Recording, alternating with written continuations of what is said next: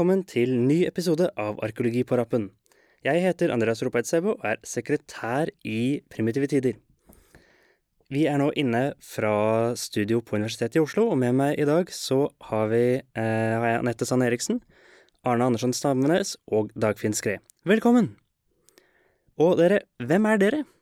Eh, Anette Sanne Eriksen heter jeg, arkeolog, utgravingsleder ved Kulturhistorisk museum, og var den som da så eh, til den daglige drifta av prosjektet som har ledet fram til denne artikkelen. Ja, og jeg er Dagfinn Skred. Jeg er professor ved Kulturhistorisk museum ved Universitetet i Oslo. Og jeg har holdt på med mange forskjellige ting. Og eh, dette med metallsøking og eh, detektordebatten, det ramla jeg vel sånn mer eller mindre tilfeldig inn i.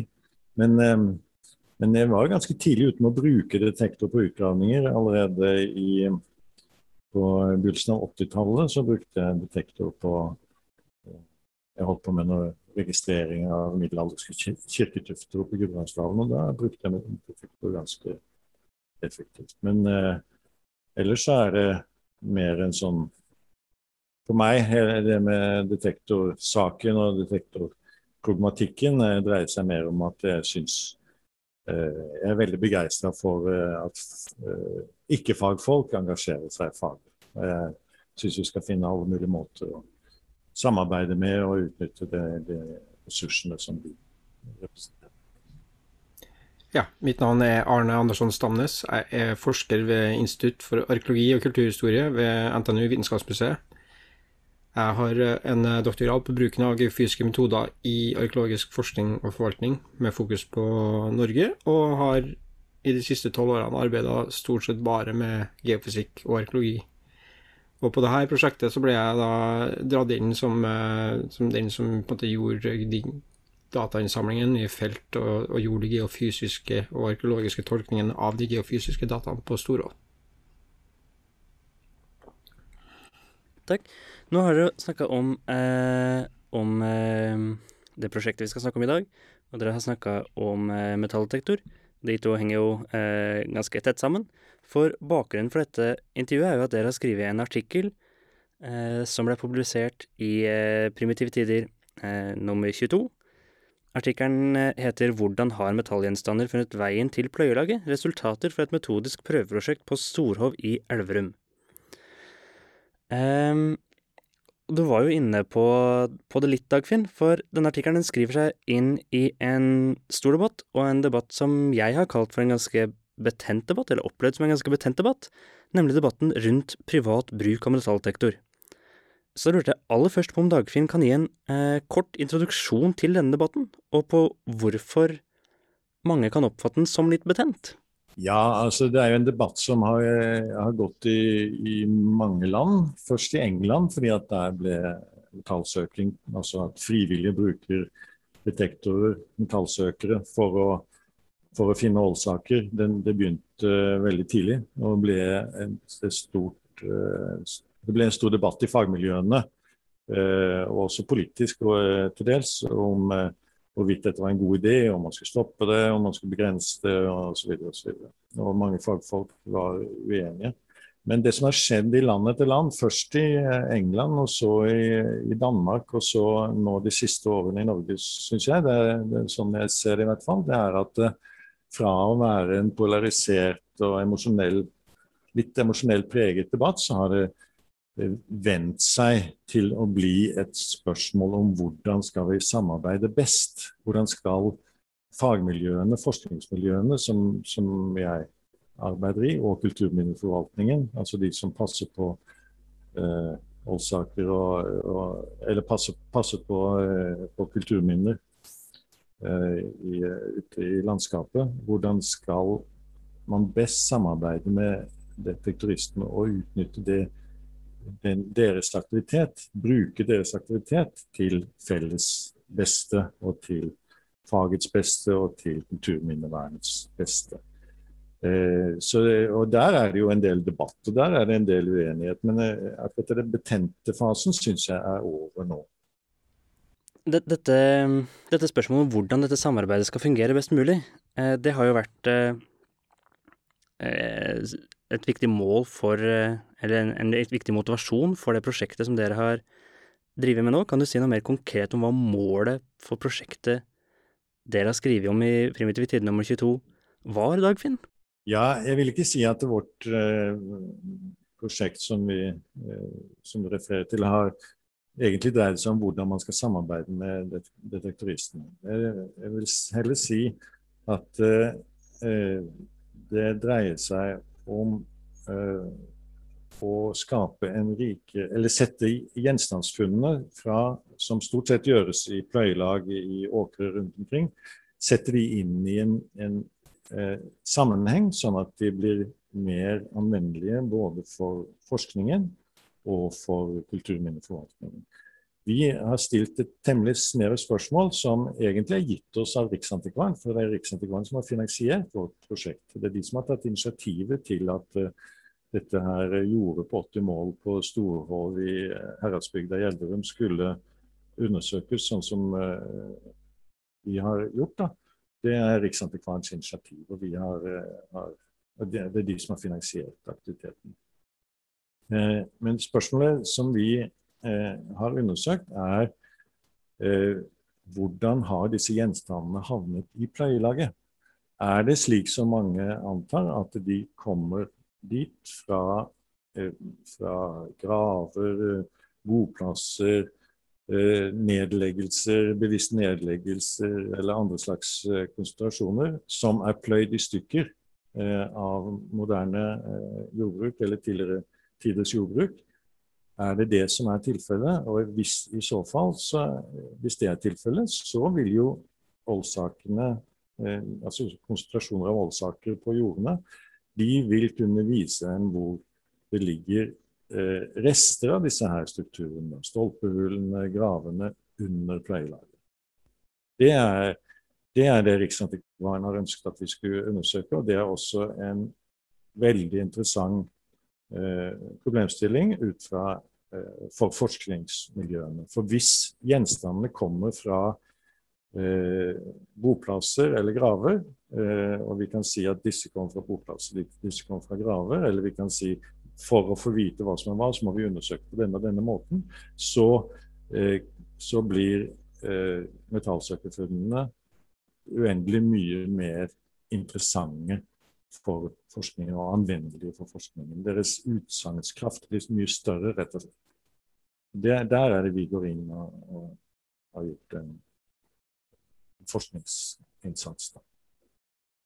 Og for å, for å få bedre eh, forståelse for hvordan metalldetektorfunn kan brukes i forskning, så har dere eh, gjort en undersøkelse av metalldetektorfunn fra et jorde i Hedmark. Um, så jeg lurte på om Anette kan forklare litt av bakgrunnen for dette prosjektet. Altså, eh, det, det, har jo kommet inn veldig mange metalldetektorfunn i Norge fra, fra, nesten hele landet de siste åra. Så rett og slett, hvordan var det dere Altså, dere jobber jo ved forskjellige institusjoner og i forskjellige deler av landet. Og hvordan var det dere kom sammen om et jorde i Hedmark? Grunnen til at Storhov i Elverum ble valgt som studieområde i utgangspunktet, var jo fordi det ble gjort veldig mange detektorfunn innenfor det her 80 mål store jordet. Detektorfunnene var fra primært jernalder og middelalder.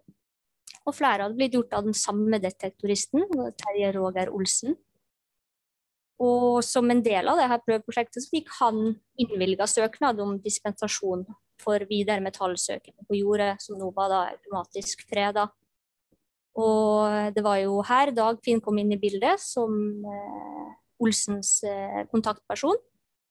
Og sammen med Riksantikvaren så utvikla jo Dagfinn og Kulturhistorisk museum en sånn metodepakke da, for undersøkelsene på Storov.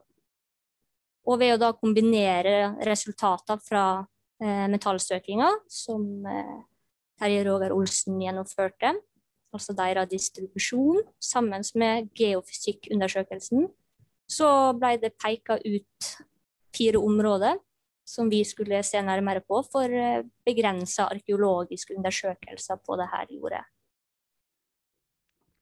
For her har du kommet inn på, eh, på begrepet georadar. Og det er jo eh, noe vi har snakka om tidligere. Georadar er noe som for mange er noe nokså nytt og eh, kanskje litt ukjent. Det er i hvert fall veldig eh, Altså, jeg har aldri brukt georadar sjøl, og jeg eh, kjenner rett og slett ikke så mye til metoden. Og, og bruken av georadar her er vel langt på vei en, en metodisk nyvinning, stemmer det? Til en viss grad? Ja, det er en sannhet med modifikasjoner, kan du si. Fordi altså, geofysiske metoder har vært anvendt i norsk arkeologi de siste 30, kanskje 40 årene. Hva er geofysiske metoder, Eh, kort oppsummert? Geofysiske metoder kan jo si det er jo en, det, et bredt spekter av ulike målemetoder hvor du måler geofysiske egenskaper i bakken. Eh, Det kan være både magnetiske og elektriske, og som georadar er en elektromagnetisk metode.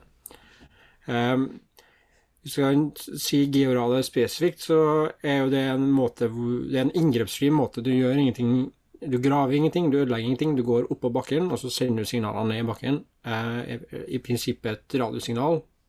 Litt som en mobiltelefon, kanskje. Eh, så sender du det ned i bakken, måler du hvor lang tid før noe av det signalet reflekteres tilbake til en mottaker, og så måler du hvor mye av det signalet som reflekteres. Og på den måten så får du på en måte et bilde av hva som finnes nedi bakken. For hver linje du måler, så får du på en måte en profil, eh, kan du si, av alle refleksjoner. Alle lag, alle ting som forårsaker en endring i bakken. Og det som gir en refleksjon med georadarsignaler, det er en endring i den elektriske ledeevnen. Altså hvor stor er kontrasten. Jo større kontrasten er, jo større eh, sjanse er det for du kan oppdage det. Eh, noen materialer absorberer også signalet istedenfor å reflektere det, og det vil også skape en endring, som du kan se. Um, tradisjonelt sett så gikk man jo med en slags barnevogn med én antenne under. uh, og det kan du godt gjøre nå. Uh, mange som gjør, og det kommer til på plasser du ikke kommer til med, med en ATV f.eks. Men da måler du én profil, og så må du gå rett ved sida av 25 cm eller 50 cm unna, og så må du gå tilbake igjen. Og på den måten så tar det litt tid. Men det som virkelig har satt fart i bruk av geofysikk i Norge, og da spesielt bruk av georadar og ikke magnetiske metoder, det er at man har fått systemer som er ganske store, eh, og hvor du dekker veldig brede belter med veldig liten avstand mellom hver kanal, eh, hver profil gjennom bakken. Så med det systemet her, eksempel, så måler du 1,5 meter på én gang, og du får en profil for hver 7,5 cm. Og det blir ganske mye data når du har et jorde som er på eh, rundt 80 mål, altså 8 hektar, eller eh, kan jo det enn bli i et sånn norsk fotballbanemål, men det er kanskje rundt en 10-12 fotballbaners størrelse, da. Det er godt norsk arealmål. Eh, og du kan da måle ca. to hektar, 20 mål, eller 20 000 kvadratmeter, om du vil si det på den måten, på en dag, kanskje mer. Eh, og det plasserer det som et verktøy som både kan brukes til registreringsøyemed, men også innenfor forskning og forvaltning, rett og slett fordi du har da sammenhengende arealdekning, og du har eh, ett stort datasett over alle refleksjoner over hele dette jordet som du samler inn og kan analysere på en gang. Eh, det kan da kombineres med utgravingsresultater, eh, prøvesjaktinger eller lignende. Altså sjakting, som er på en måte den standardmåten å finne bosetningsspor i dyrka mark på i, i Norge, um, kan du si eh, er en samplingmetode. Du får data kun for der du har sjaktet, og så tar du den informasjonen og så på en måte overfører du den til arealet imellom, men du vet egentlig ikke hva som finnes imellom. Altså man tar, man tar og graver en sjakt på eh, ett sted, og så finner man noe, og så går man ut fra at eh, funna i resten av området ligner på det man har funnet der, da. Ja, den tettheten, samme type Mm. karakter og den type ting, og så lager man en kalkulasjon på hvor mye som kan finne på å finnes imellom de sjaktene, men du vet egentlig ikke hva som finnes der. Eh, forskjellen mellom det og georadar er at der får du et bilde over alt, eh, over hele jordet, men vi vet også at vi er ikke i stand til å finne alt.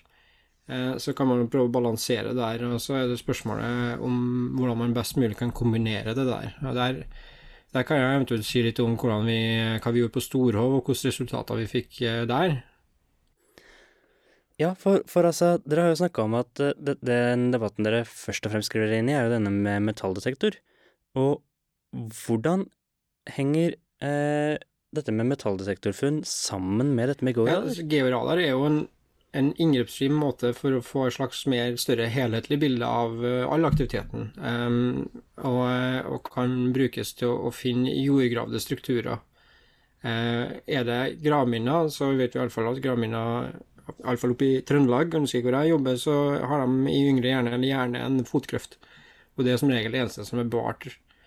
Og normalt tenker jeg at er det en fotkrøft, så er sjansen for at vi kan finne den med georadar ganske stor. Um, vi vet også at eh, la oss si eh, liksom kullholdige strukturer som ildsted og kokerope er relativt eh, Da er georadar relativt godt egnet. Nesten vi finner nesten like mye med georaler som vi finner med sjakting.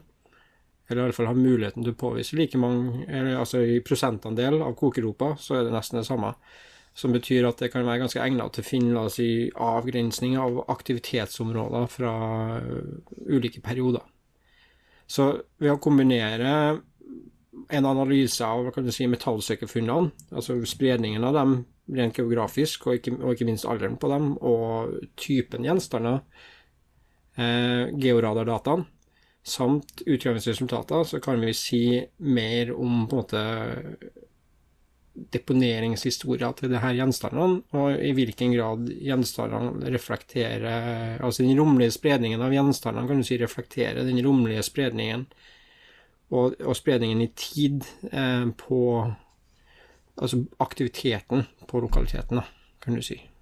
Er, de, er gjenstandene funnet der hvor bosetningssporene er, f.eks.? Det er litt viktig å, å prøve å finne ut av.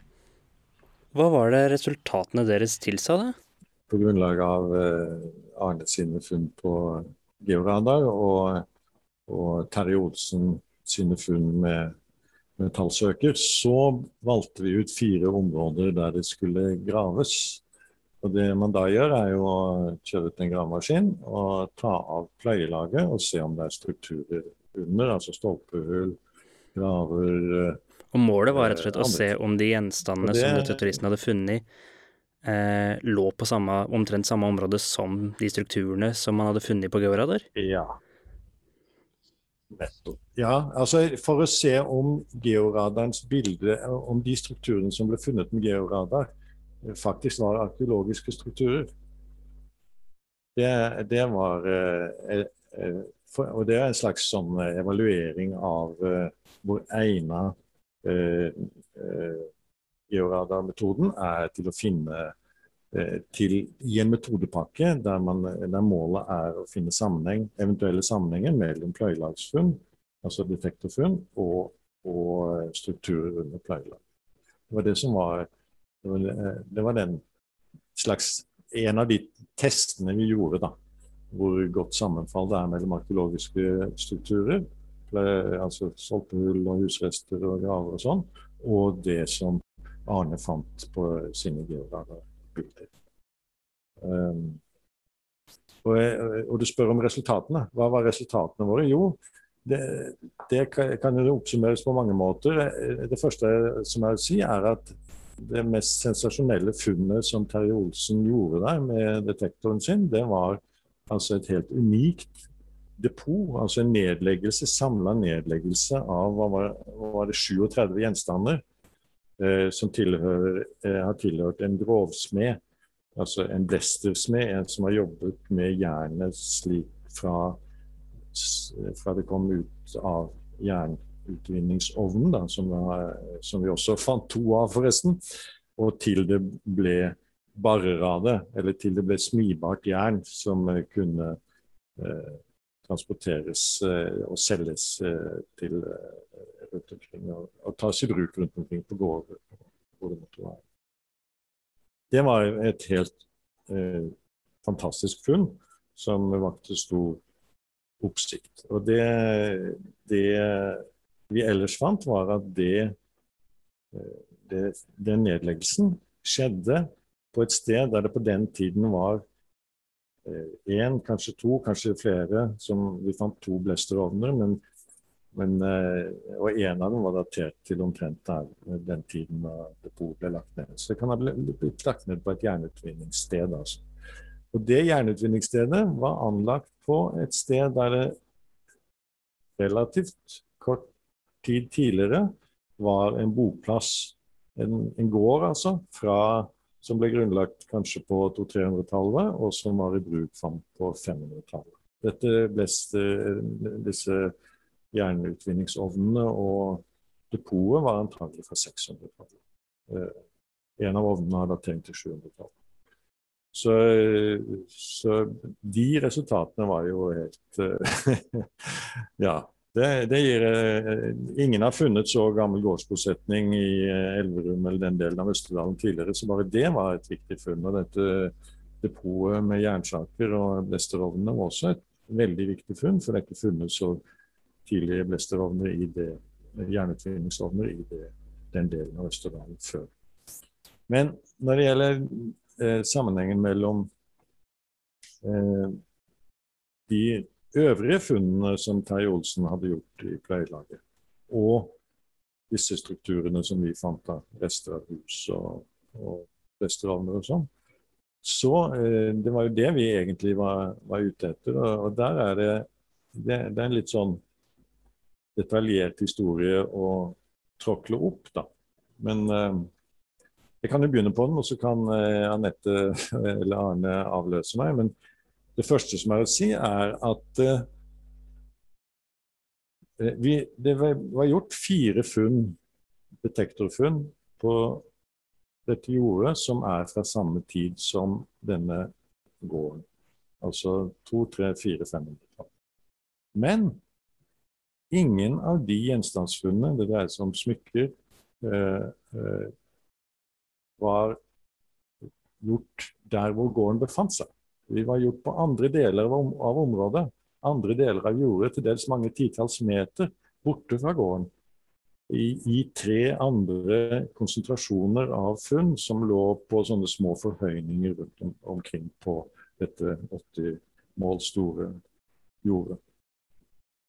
Så det første resultatet vårt, det er at eh, det ikke er noen uh, kronologisk, altså tidsmessig sammenheng mellom funnene fra eh, eldre jernalder, 200-400-500-tallet, og strukturer, rester, spor fra den tiden under pleielag. Det er ikke noe romlige sammenfall.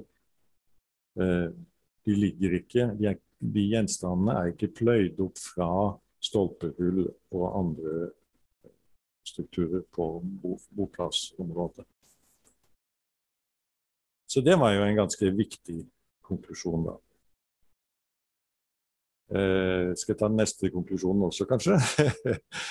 eh, hvis ingen andre byr til, så, så tar jeg den, jeg. Eh, den neste konklusjonen er at eh, disse tre funnene, eh, tre-fire funnene fra eldre jernalder, lå altså i, eh, i tre konsentrasjoner av funn Eh, tre av fire konsentrasjoner av funn. Den fjerde konsentrasjonen var der hvor boplassrestene og jerndepotet og blesterovnene lå.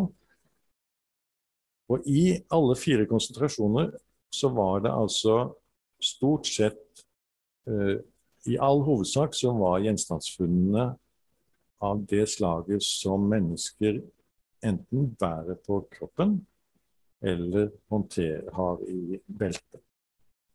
Altså det var nøkler, eh, eh, smykker, knapper, eh, eh, vektlodd som man har i en pung i beltet, en, eh, sånn, en liten sølvbit eh, eh, osv. Altså småting som man bærer med seg. Og det eh, Noen av disse gjenstandene finner man jo altså fra jernalder, er av typer som man også finner i graver, altså smykker f.eks. Men det som fikk oss til å konkludere med at de ikke er pløyd opp fra graver på dette jordet, altså i stykkerpløyde graver, at de ikke stammer fra i stykkerpløyde graver, det var to ting. For det første fant vi ingen spor etter graver. Eh, Arne nevnte fotgrøfter. Det er sånne grøfter som går omkring eh, er gravd omkring mange gravmidler fra yngre jernalder. Eh, vi fant ingen sånne. Det andre poenget var at sammensetningen av funnene ikke endra seg fra jernalder til middelalder.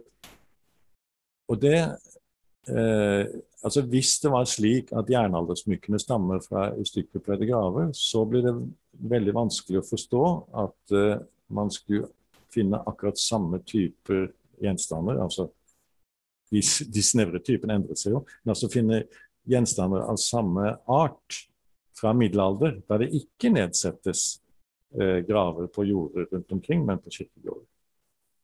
Så Derfor så konkluderer vi altså at uh, gjenstandene i disse fire konsentrasjonene eh, stammer fra samme type aktivitet fra eh, 200-300-tallet og fram til slutten av middelalderen. Det er samme forhistorie. Det, eh, eh, der går vi gjennom en, en sånn Det er mange måter å inndele aktiviteter på, men eh, Mogensbo Henriksen, har, eh, en dansk arkeolog, har, har laget en inndeling, inndeling som vi har brukt. Og det vi eh, argumenterer for, eller det vi resonnerer oss fram til, er at det er hans femte kategori, nemlig gjen, altså, eh, det som kalles forurensing.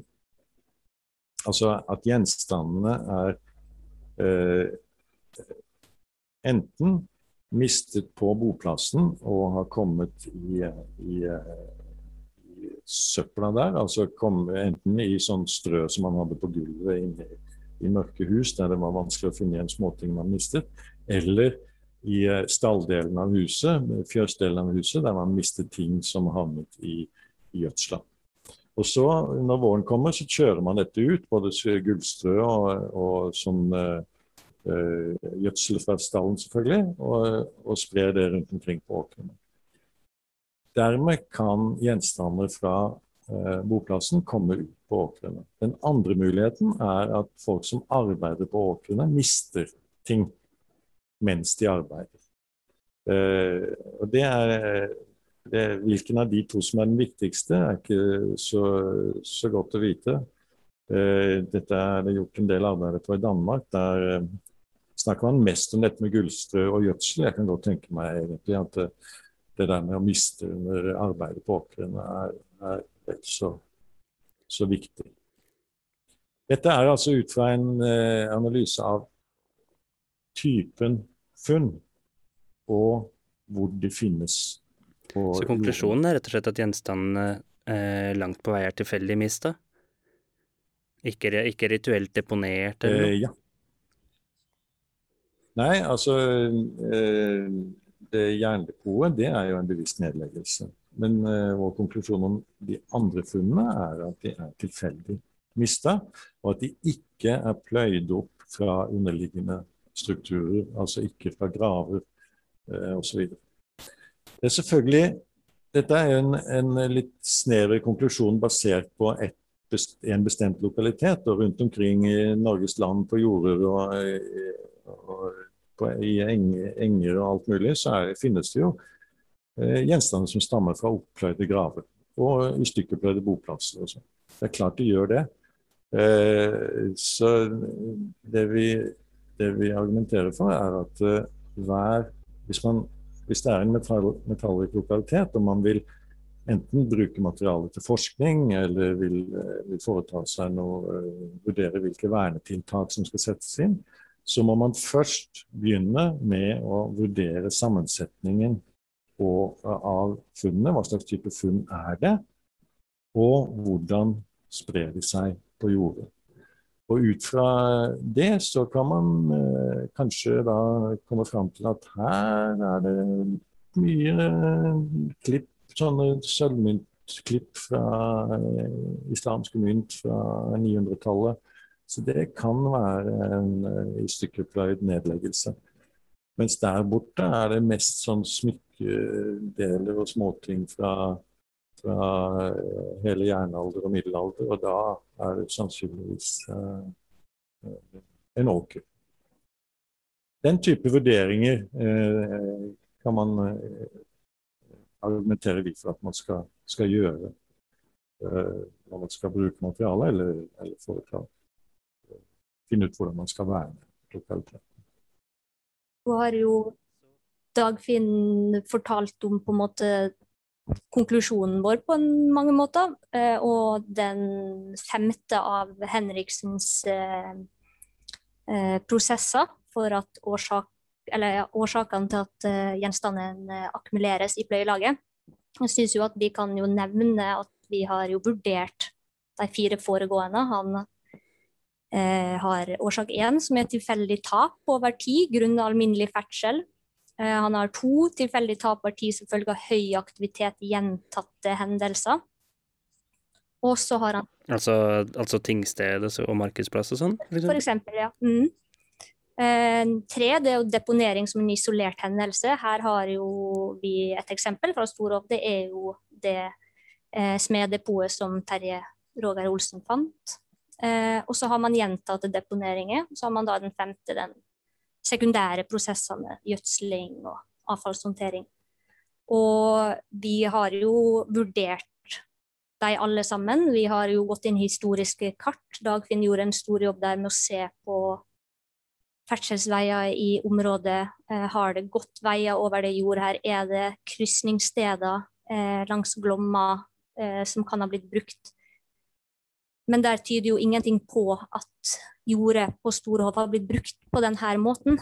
Eh, så det er jo også viktig informasjon i den konklusjonen vi eh, falt på, da, om sekundære prosesser. og ja, at stedet har vært gjødsla åkermark over lang tid. Imponerende lang tid. Nei, på, på Storhav nå så ble jo jeg sendt ut for å samle inn uh, georadata, og så har jeg tolka det eh, Jeg har sett på geofysikksignalene og tolka dem, prøvd å oversette dem til en, kan du kalle en arkeologisk tolkning. Og de dataene ble jo sendt ned til Kulturhistorisk museum, og og Julian Martinsen og Dagfinn Skred og Anette Sand Eriksen, som til slutt ble den eh, feltlederen som dro ut og grov der. Så jeg, jeg syns det er litt interessant å vite, eller få høre litt fra Anette hvordan hun følte at eh, det var å få den type data tilgjengelig før man dro ut i felt, eh, og hvordan det var å jobbe med det underveis mens man drev og avdekka utgangsfeltet. Kan du si noe om det? Det kan jeg. Jeg syns jo at det er et stor hjelp jeg har vært borti og fått utlevert georadar-datasett georadar tidligere. Eh, og har eh, Det har vært spesielt stor, eh, til stor hjelp der man har dårlig undergrunn. Du kjenner jo sikkert til flere områder i Hedmarken med Alun skifer og sånt, der man jo ikke ser kokegropa med det blotte øyet, men eh, georadaren kan pinpointe den, og du kan se den da fordi du veit det. Eh, sammen på Storov så var, var, jo områder vi skulle undersøke forhåndsvalgt, da, basert på metallsøking og georadar. Eh, og vi Det var jo veldig artig å kunne se at det på nesten millimeteren traff. Eh, men det var jo ikke bare innertier hver gang. Vi fant jo da de to ovnene, og da er jo det nesten like så gøy å kunne plutselig oppdage noe som jo ikke har blitt eh, Eh, påvist i georadardatasettet. For Storov sin del så gjaldt jo det også stolpehulla. Eh, og der eh, tenker jeg jo at du sikkert syns det var veldig artig, for du fant jo igjen mange av stolpehullene når du gjennomgikk det på nytt. Mm. I alle fall noen av dem. Uh, for det, det, som skjedde, da, var at vi fikk uh, Jeg besøkte dem i felt, og vi gjorde litt sånn ekstra undersøkelser på enkelte av de tingene Uh, fordi geofysikken den gir jo et bilde. Det er jo en konkret refleksjon, men om den refleksjonen Altså det er konkret Det må være en geofysisk forklaring hvorfor vi har en refleksjon der, men det er ikke nødvendigvis en arkeologisk forklaring. Så jeg har jo tolka datasettet Altså det kan være, Du vet at du finner en stein som ligger i en konsentrasjon, men om det er en stein Eller du vet ikke om en stein, du ser en refleksjon. Den har en, geof, den har en geofysisk forklaring, men den behøver ikke være arkeologisk, um, kan du si. Så, så, vi kan uh, Noen ganger har vi refleksjoner av ting som man ikke ser med det blotte øyet, og andre ganger så man, uh, ser man ting med det blotte øyet som ikke vises i geofysikken. Og det som var interessant her, er at uh, vi fikk besøkt det i felt. Vi fikk ettergått en del av de tingene uh, som man ikke nødvendigvis fant med en gang. Uh, og vi fikk sammenligna direkte, la oss si sammenfallet mellom mine tolkninger. Og så tok vi en gjennomgang av alle de stedene hvor Anette og feltarkeologene fant strukturer som jeg ikke hadde tolka. Det betyr ikke at de ikke var synlige, det var bare at jeg var ikke i stand til å gjenkjenne dem i mine data.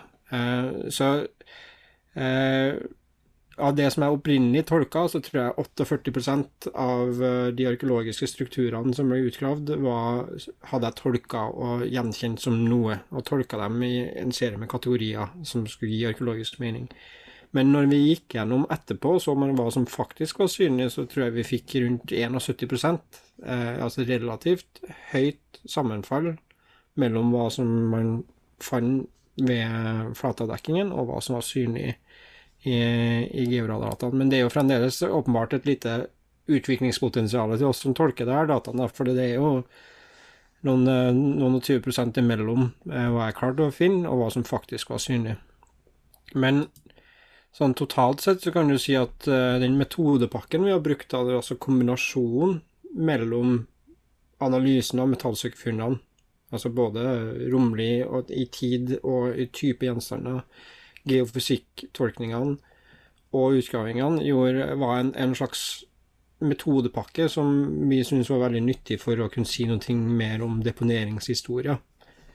Eh, altså, som du var, vi, Dagfinn og Anette også inne på tidligere, så er spørsmålet om, eh, om det er en metodepakke som kan være eh, relevant å bruke andre plasser med andre typer deponeringer eller, eller gjenstandssammensetninger eller andre typer arkeologiske landskap, for den saks skyld. Det, det syns jeg er litt interessant. Eh, fordi det her er jo én gård på, ved Glomma nede i Elverum. Eh, kan man overføre de tolkningene vi gjør om deponeringshistorie her, er den gyldig for andre plasser? Og det eh, tror jeg er litt sånn jeg tror du må analysere det der ganske individuelt fra sted til sted og fra kontekst til kontekst, altså, for å komme, uh, komme videre. Men den metodebruken som blir brukt på dette prosjektet, kan jo være en inspirasjon til andre.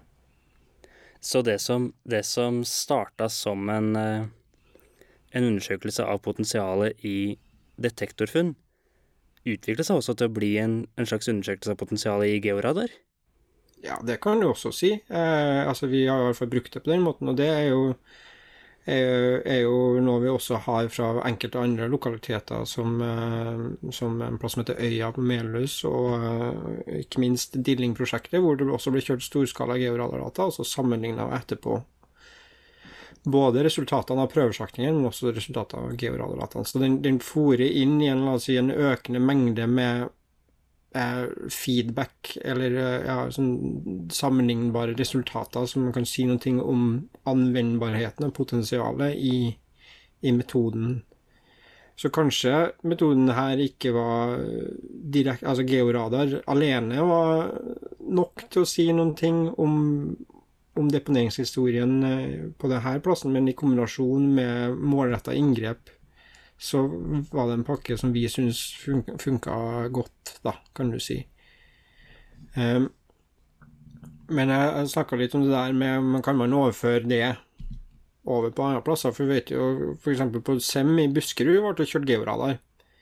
Eh, og sammenligna med metallsøkerfunnene. Eh, og da var det veldig tydelige georadarresultater med fotgrøfter og en helt gravfelt. Det var funn av flere hus, bl.a. en bygning som ikke ligner på noe annet vi har peker kanskje på en eller annen spesiell funksjon. Det her er i Buskerud. Um, men der var det sånn at gjenstandsfunnene ikke var der hvor funnene av fotkrefter var.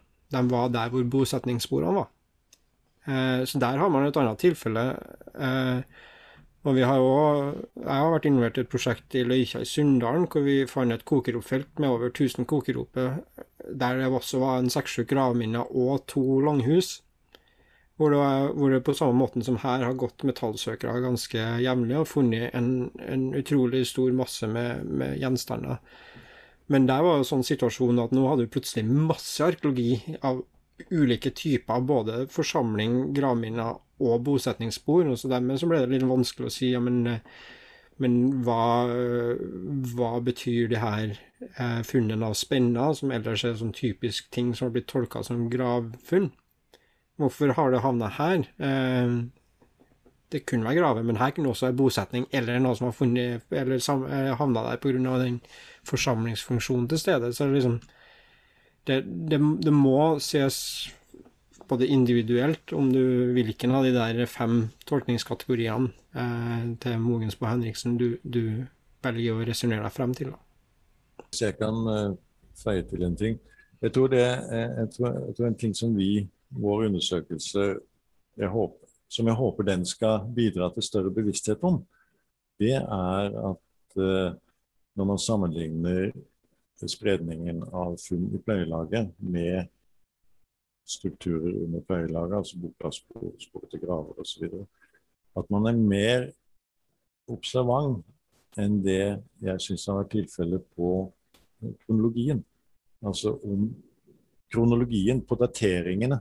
Om gjenstandene i pleielaget som ligger rett over en boplass, om de faktisk stammer fra boplassens tid. Det, det syns jeg ikke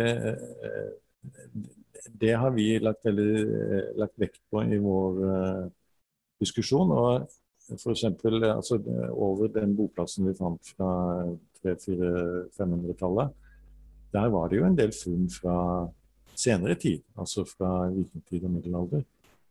eh, 8, 9, 10, 11, 12, 1300-tallet. Eh, og men det betyr jo ikke at de stammer fra boplassen. De gjør jo ikke det, for de er jo ikke fra boplassen tid. Så, så, kan man da eh, spørre hvorfor er det en konsentrasjon av senere funn over en boplass. Eh, det kan, kan jo ha Der kan man tenke seg to svar. og Det jeg tror mest på, det er at eh, gamle boplasser var attraktive som åkerjord fordi at det var mye avfall der, og derfor pleier man de opp. Eh, og, og anlegger en åker der, og så havner det funn på åkeren gjennom tilfeldige tap og gjennom gjødsling osv. Men det man også kan tenke seg, og som sikkert er tilfellet noen steder, det er at eh, boplasser fra middeltid og middelalder finner vi ikke så ofte jordfaste spor etter. Fordi de slutter etter hvert med å grave stolpehull stolpesetningene er mindre systematiske osv. Det er vanskeligere og vanskeligere å finne husene, sporene etter husene, systemene i veldig stolpehull. så det, det, kan jo være eh, Vi hadde jo noen sånne noen stolpehull på denne boplassen på Storhoff som, som, ikke passet inn i de husene vi, vi klarte Det var to hus vi klarte å identifisere.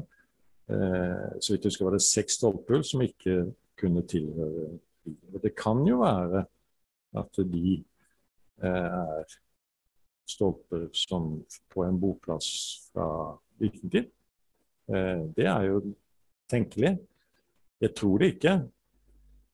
Fordi at eh, det er mer sannsynlig at eh, boplassen fra vikingtid, middelalder, ligger Eh, litt syd for dette jordet, for der er det en stor konsentrasjon av, eh, av det som kalles bryggestein, som er en, eh, i denne delen av landet en veldig sånn, tydelig indikator på at det er en boplass fra vikingtid, middelalder. Um, så jeg tror nok det er der, og det er tilfeldigvis også da, dagens uh, tun, eller ikke tilfeldigvis dagens tun. Så jeg tror ikke at det, det lå en boplass fra vikingtid, middelalder over denne eldre jernaldersboplassen. Men uh, andre steder så kan det, kan det, være til. Jeg tror det var så langt uh, vi kom i dag. Uh, vi gleder oss til å høre mer fra dere om om både metallsektorfunn og hva de kan brukes til, og om georadar i framtida. for denne gang så må vi takke veldig for at dere kom i studio i dag. Eh, vi må også takke veldig til eh, Joakim i studio på UiO. Og så vil vi gi en stor takk til alle dere som har eh, lytta på oss. Eh, Artikkelen som eh, debatten eh, i dag springer ut av, den er åpent tilgjengelig eh, på nett. Hvis man googler 'journals at uio.no' og blar seg ned til eh, primitive tider, så kan man også få sett alle kart og all argumentasjonen som vi har bygd på i dag. Eh, så vi ønsker dere eh, velkommen til eh, sida vår, og takk for i dag.